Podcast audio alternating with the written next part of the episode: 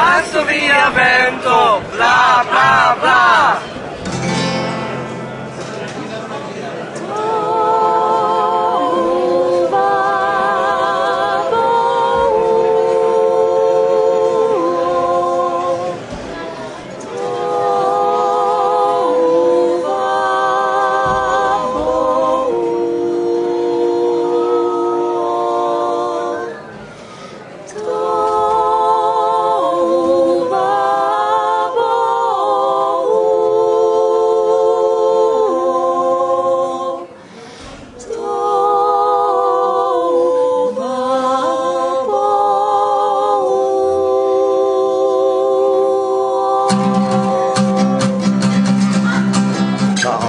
vortaro plaĉas al mi.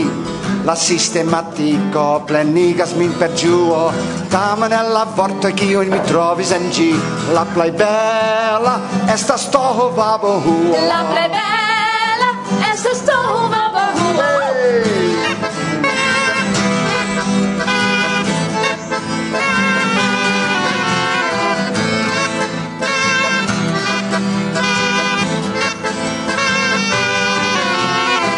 Pliaj ĝardeno kaj domo la stat. Pravigas nur unu konkludon Kiel ajn mi prova konformiĝi al mia dezza strat. Mi ne povas elsafiĝi el tohu vabohuo Mi ne povas elsafiĝi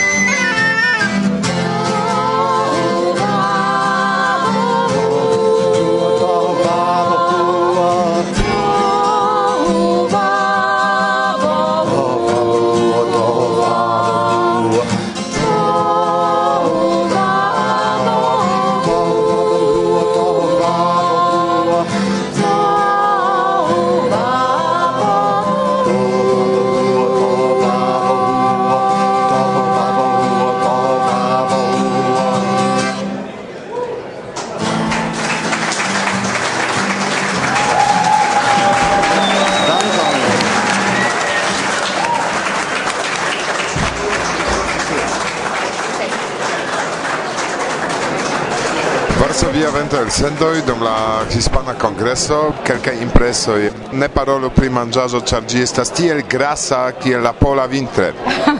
Bone saluton, mi tostas je la sano de la auscultantaro, kai bone kion diri pri la kongreso mi estas tre contenta, homo citie estas tre agrablaj. la vetero io mete varma el la tagmezo, sed bone, nokte estis tre agrable ankaŭ. kai bone ni ĉiuj feliĉas. Kai mi vidis ke kiam vi legis poemon, eh, ce en la loko ki estis du geamantoj, vi komencis plori, kial? Nu bone, ĉar mi sentis la emocion de Miguel Fernández, kiu estas la autoro de la poemo, kaj do kiam mi proksimiĝis al li kaj mi sentis lian emocion, mi emociiĝis ankaŭ. Do tiel. Do pardono Anna che mi malhelpis al vi mangi da urigu kaj porque vi sciu kio ĉi tio okazas ni estas en granda manĝejo kie estas multe da luksaj grasaj manĝoj sed ŝajne vegetaranoj ĉifoje elektis pli bone ĉar ili ricevis salatojn ĉu. Jes mi konsentas mi tute konsentas. Sed bone ne malbongusta. Do parolis al vi antaŭ mikrofono de Varsovia ventro la plej kara bibliotekistino kiun mi konis en la Esperanto movado Anna Manero el Danio. Dankon. Dankon, koran dankon. Do, mi estas Roman Dobzinski, kaj mi ĵus revenis de Albaracin. Ĝi estas eh, mirinda postrestaĵo de la araba kulturo ĉi tie en Aragona eh, regiono. Se tamen ni sidas ĉe la tablo kaj ĉi tie de la dekstra mano sidas ĉe mi eh, samidanino el Ukrainio kaj maldekstra estas ĉinino Lisa, kiu multe scias pri eh, Pollando. Bonvolu demandi sin. Saluton, kiu vi estas? Saluton, mia nomo estas Lisha. Ĉu plaĉas al vi dum la Hispana Esperanto-Kongreso? Yes, yes, mi ege ŝatas Hispanion kaj la kongreson. Kaj la manĝaĵo ne estas tro grasa por vi? mi ŝatas, sed tro multe, tro multe. Ĉu en Ĉinio oni manĝas tiun manĝon? Yes, mi pensas uh, similaj, estas similaj la pripoj. Kaj amikino el Ukrainio, saluton kio vi estas? Mi estas Lia, mia naskiĝloko estas Ukrainio, sed mi loĝis en Hispanio, en Alicante, jam uh, de kvin jaroj. Kiel plaĉas al vi la kongreso? Tio pli impresis min.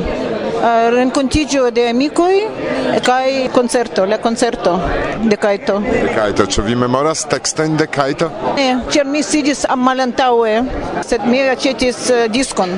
Do vidu Kaito unuiĝis dum tiu ĉi mirinda kongreso, ĉar Kaito ludis aparte, do formiĝis du grupoj, Kaito kaj Capriol, kaj ĉifoje denove iri pro jubileo, kiu jubileo vi mem malkovru, ĉar eble ne estas elegante menci kiom da jaro ili kune jam kantas, sed kaj to donis bonan koncerton kaj ĵus post momento vi aŭdos muzikon el la koncerto kaj Roman eh, Roman mi deziras eh, demandi vin ankoraŭ pri la Zamenhof libro en la hispana lingvo ĉu la prezentado estis sukcesa laŭ vi? No, vi tusis eh, aferon kiu estas por mi neimageble impresiga, ĉar mi revis ke el tiu multaj tradukoj kaj kaj eldonoj de la Zamenhof strato en fremdaj lingvoj, mi ĉiam atendis, esperis, ke ĝi aperos en la hispana, en mia ŝatata lingvo, kaj jes, mi venis ĉi tie, kaj mi ĝuis tiun prezentadon de la libro, kiu estis plurfoje farita, sed kio ni aldonu plu la aferon enimixiĝis, mi diru, ankaŭ la Instituto de la Pola Kulturo en Madrido, do oficiala institucio de la pola stato kiu mem angagigis kai disvastigis tio mia libro en la hispana lingvo. Do eĉ imago ke eh, la reprezentanto de eh, la instituto de pola cultura en Madrido eh, veturigis min al la kongreso li li konatiĝinte con Esperanto nur antaŭ du tagoi li scribis al si capablis presenti sian paroladon en Esperanto, imagu. Nekredeble. Nekredebla afero.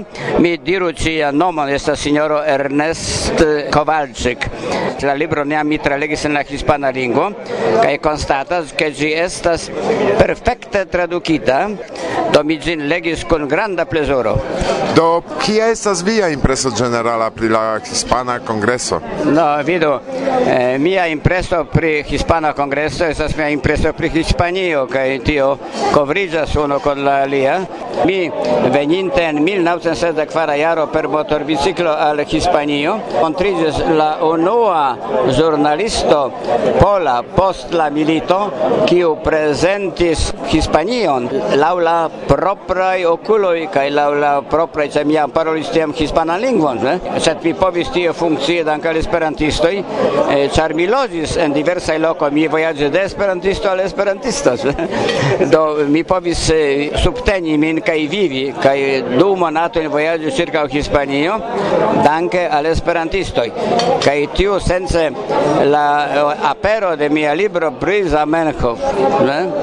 estas por mi ankaŭ eh, granda emocio mi akceptis tion fakton. Ne? Do mi konfirmas tion kion Roman diras Hispanio estas tre malferma amike koron havas malferman amike al esperantistoj qui estas de aliaj landoj. Do mi lasas Roman eh, plu daŭriganta konversacion kun belulinoj qui estas ĉi tie ĉe la tablo. Oh, mi volas nur danki al vi, mi estas Agnieszka kiu filmas kaj Irek kiu tenas mikrofonon.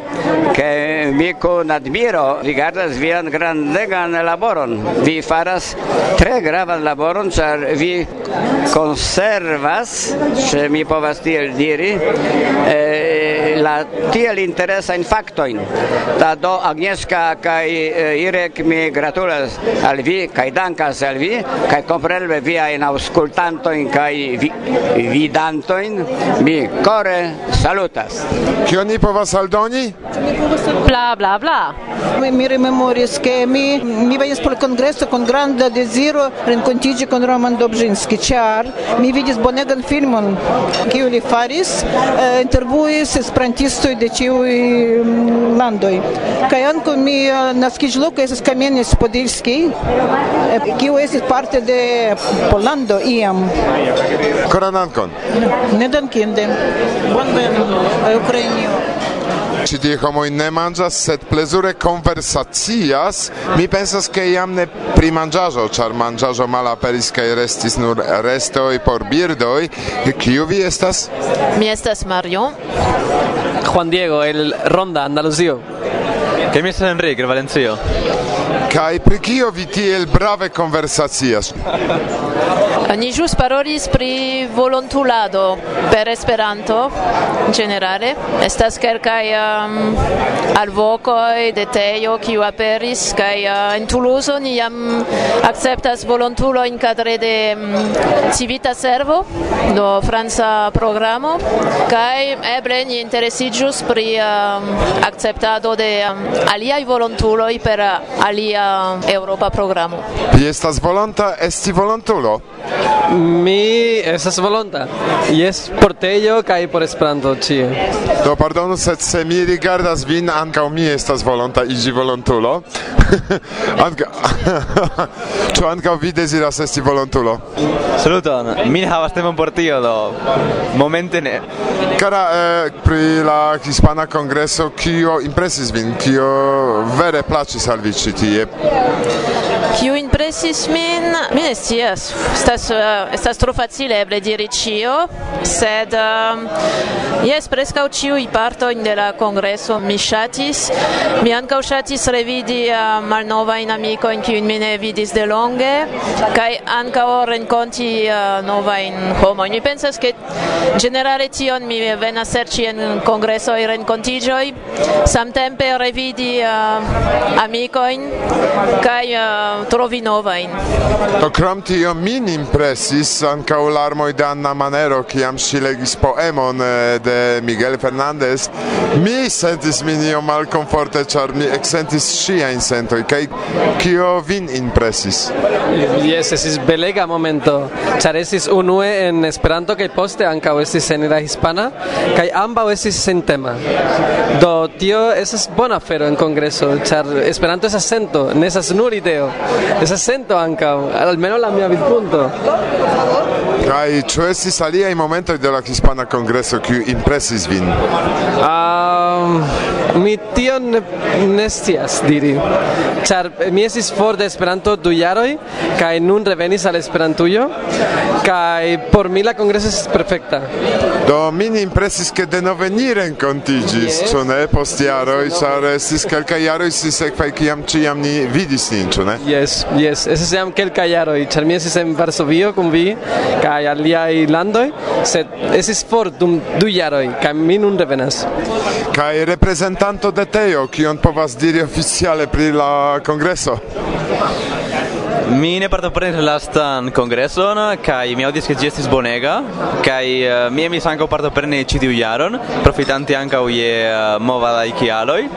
Do mi persone ŝatis ĝin, mi iom uh, sufiĉe eksterkongresumis, sed ankaŭ mi ŝatis kaj ĝuis la kongreson. Kaj mi aŭdis ke vi estas spiono ĉi tie, ĉar Teo sendis vin intervjui pri venontjara io kiu okazos surtere de Hispanio. Mi estas ankaŭ parto de la organizo Te Amo kaj uh, eh, mi sentis la respondecon ankaŭ helpi oh, pri tio, ĉar temas pri uh, nova Te Amo kaj homoj kiuj uh, eh, ekpartoprenas eventojn havas malmulte da sperto, do estas grave ke ni helpu ilin morale kaj uh, eh, per nia subteno. Laŭ vi ĉu tiu nova Te Amo kiu kolektiĝis, ĉar temas pri Te Amo por la sekva junulara Esperanto kongreso mm, donas iun esperon ke la kongreso estos ekster straordinara. Mi pensas che la condicioi estas tre bonai, kai estas eh, uh, homo kiu estas entuziasmaj per la ideo. Do mi pensas che uh, eh, la fero bone disvolviĝos kai uh, eh, ni provizos nian subtenon al ili. Kai ni vidos, ĉar ni ne povas antaŭvidi la estontecon, sed uh, mi ĝojas pri ĉio kio jam okazis. Do vidu che dum la esperantistaj kongresoj homoj ne nur manĝas kio estas tio, estas iu frenezaĵo dolĉa, ne nur manĝas, sed ankaŭ pensas pri interesa ideo koran dankon al vi pro Ankaŭ mi volas demandi al vi ion. Mi, mi ankaŭ volus filmi al vi momenteton, kie estas via esperto, kiel en via grava laboro por Varsovia vento el sendoi. Do mi povas nur diri konciza al ci aŭskultantoj kiuj nuntempe spektas min kaj aŭskultas bla bla bla. Tio estas la plej la plej trafa esprimo de miaj sentoj. Kaj mi aldonas ankoraŭ Varsovia vento. Varsovia vento. Bla bla bla. Kai ci ti sidas parto de la redakcio de Pasintiara Kongreso dextre belulino, maldextre belulino, belulino. Saluton, mi estas Alex. Ĉu vi konscias ke oni jam intervjuis min? Ah, tute mi ne scias, sed ankoraŭ ni ne legis programon de la kongreso Alex. Bone, do mi informis simple. Do Ĉu vi havas iun impresojn? Do estis tre bunta programo, sed ankaŭ kohera, do iomete ĉirkaŭis laŭ la Zamenhofa morta da Treveno. Kaj mi speciale ŝatis same kiel Enric la nokta ĉiela rigardado. Do mi lernis multajn aferojn pri steloj kaj planedoj. Dankon. Bla bla bla. Belulino maldextre prezentiĝo. Don, saluton, mi nomiĝas Sofi. Kion vi faras ĉi tie kaj ĉu plaĉas al vi esti ĉi tie? Jes, plaĉas al mi tre tre multe. Ĉi tiu estas mia unua kongreso, fakte, kaj mi tre ĝuas ĝin, jes. Ĉu deserto estas bona? Eh, ne, ne, estas tre aĉa, fakte.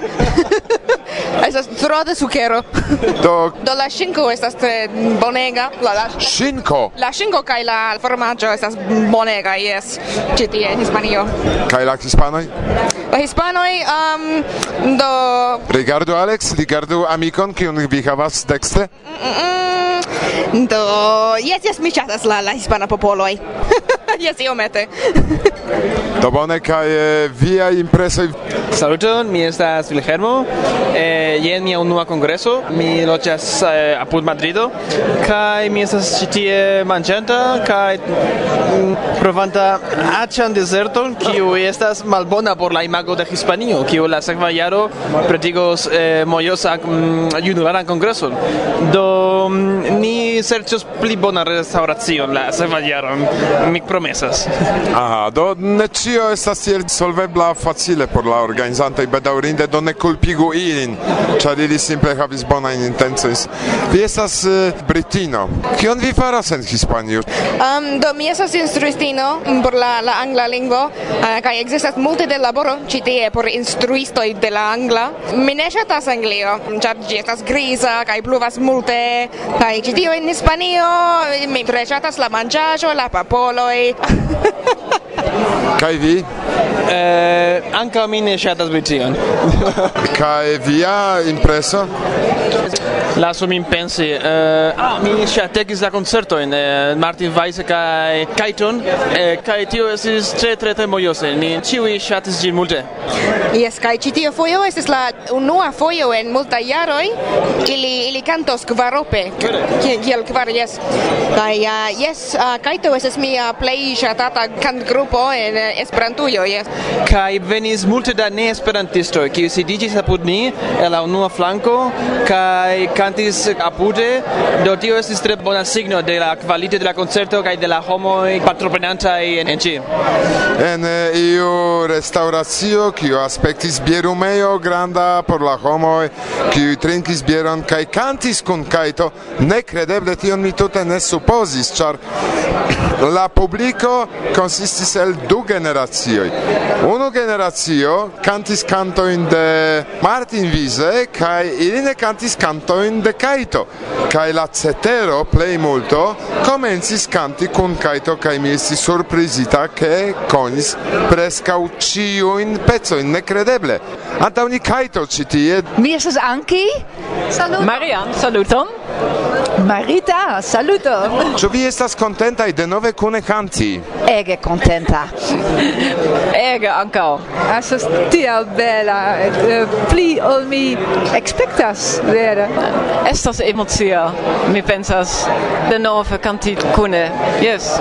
Do mia uno el la plej grandai revo estas iam renkontiĝi kun vi en mia giardeno, cun vi ĉiuj kun At, cun eh, Rutger, kun vi, che ni ĉiuj fakte sidu kaj cantu kune Esperante, kaj Iam tio estas? En via giardeno post cos mi la deca matene? mi, mi konas vian ĝardenon estas tre bela. Pro? fotoj, nur pro fotoj bedaŭrinde. Sed mi konas la la ĝardeno. Do bone mi lasas vin babilu kun geamikoj ĉi tie. Dankon Irek, ni amas vin. Ni amas vin. Ni amas vi ĉiuj. Ni amas vin, vin, vin, vin vini amas vin, tan, tan, tan, tan, tan, do bone miras intervjui alien. Koran dankon. Koran dankon, al vi. Koran dankon. adiaŭ multe La belulinoj de Kaito audiaŭis vin, fakte belulinoj, fakte belulinoj. Mi estas absolute objektiva. Kai ci tie sidas viroj feliĉaj, kiuj vi estas? Io non sé, non sei esperanto. Aquí, aquí. Bla bla bla bla bla bla. Ankaŭ mi parolas tiel. No parolo esperanto, no. Francesco, Friderico, Alfonso Dectria. Pepe. Pepe. Do parolis Pepe. Kaj vi kiu vi estas? Eh, mi estas Santiago. Kaj vi? Eh, mi nomiĝas Pablo. Kaj ĉu belulinoj de Kaito ne impresas vin, ke vi sidas ĉe unu tablo? Yes, fakte mi jus informis mi miaj amico per WhatsApp pri tio. Ĉu vi aŭdis? Bona, bona, yes, yes. Mi ĝojas eh, sidi apud la tripelulinoj de Kaito. I, ili ion eh, timigas min. Timigas? Yes. Karaj, eh, mi havas demandon. Ĉu estis iu momento dum la kongreso kiu forte impresis vin? Manĝaĵo. yes, eh, sed ankaŭ mi tre ĝuis la la stel rigardo kaj pri la prelego i mi tre ŝatis la prelego pri la himno de Esperanto. Yo, la jazz versio de la himno de Esperanto tre indas. Eh, yes, yes, mi tre ŝatis, mi tre ŝatis la, la novan version. Dia nomo. Mia nomo Francisco. Ĉi tie saluton. Kio vi estas? Mia nomo estas Jesús. Mia nomo estas Manuel. Bone, bone, bone. Mia nomo estas Luz kaj mi tre ĝojas kanti kun kaito mi havis la eblecon kanti kun ili. Mi vidis tion hieraŭ, ke vi estis tre vigla. Ĉar mi konas kelkajn kantojn kaj mi ŝatas kanti. Kaj la plej ŝatata kanto de kaito a krom la kanonojn, kiuj estas ĉiam viglaj, tiu mi memoras, ti tion mi tre ŝatas. Mi memoras. Do mia tobi babohuo. Pardonu, non tempe estas io oficiala.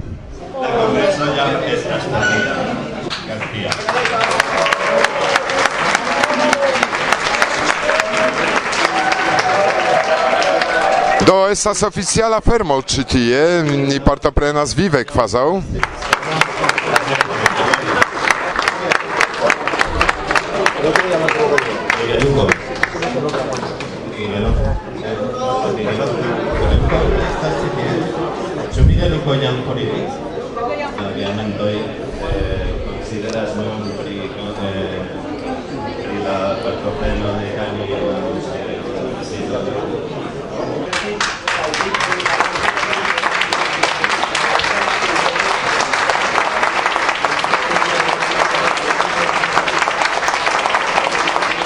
Kaj ĵus ni parolis pri knabinoj el Kajto kaj antaŭ mia mikrofono estas tiu kiu estas vira parto de la grupo. Jes, mi estas Nane de Kajto, jes.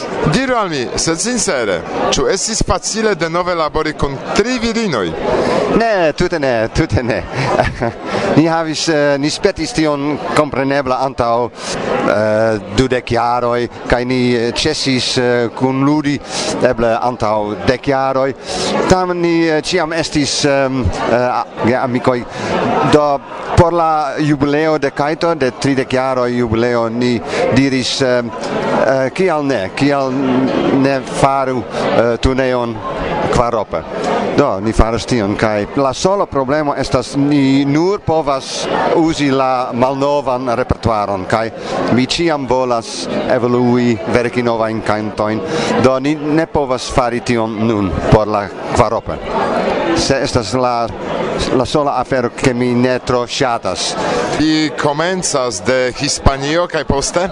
Poste ni iros uh, ni flugas al Siolo e eh, la du du deca de julio eh, por la uco kai Poste ni havas uh, mi pensas koncerton en Nederlando kaj ankaŭ en Germanujo. Venont jaro ankaŭ en en Bordeaux du koncertoj kaj ne povas fari kelkajn koncertojn. Um, ni estis invitita por festo kaj alia koncerto en Toulouse mi, mi ne certas. Do estas vere bonaj planoj, vere bonaj planoj kaj eble nova kododisko de Kaito Kvarope. Mi ne scias. Estas um, multe da laboro kai ni ankaŭ anki kai mi havas aliajn repertuarojn uh, eh, en la friza lingvo kai ni havas novan programon en la nederlanda. Kai Marita kai Marian kai Capriol havas eh, uh, aliajn aferojn do mi, ni, mi pensas ne ne eblas nun do kiam ni eh, planas novan eh, esperantan eh, compact diskon estas por kajto duopa Vi audis ĵus kajton, kajton kiu denove prezentigis kvar op koran dankon pro la eta intervjuo mi ne malhelpas al vi ĝui la momenton de kafumado. Ne dankinde. Mi memoras che mi attendisti el clavo ma referum heimen de mia patro por labori cum plesuro accetis mi paperon lignon cae la schnuron por fari cae min memoras che mi construischi el knabo. Tre belan kaiton kun mia patro mi rigardis lin kun varma sento li gioi criskim venis bona vento por nia kaiton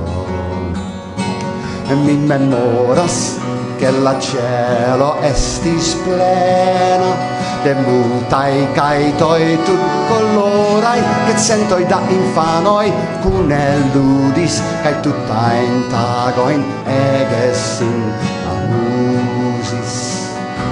Per sia kai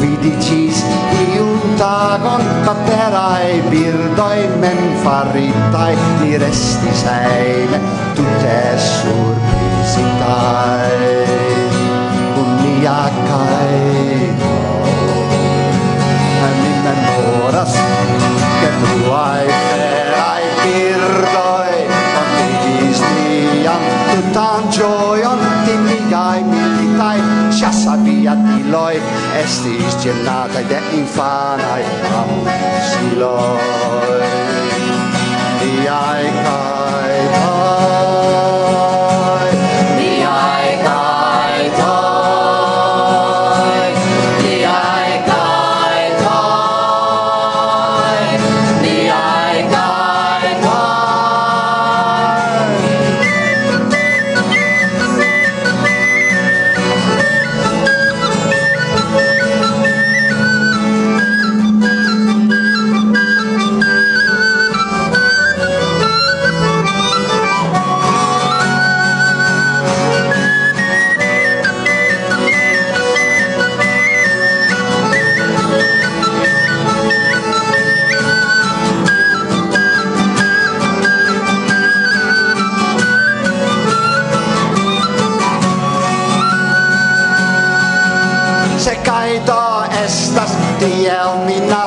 ci servu kiel armilo pazza.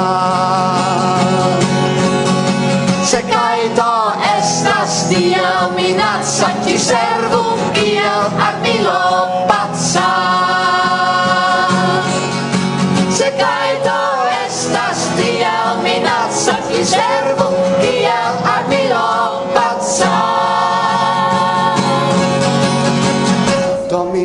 estas al ciui infanoi terra fari tero fari multain birdoin el papero por foteli aer di covru la cielon per paz armiloi. Niai caeto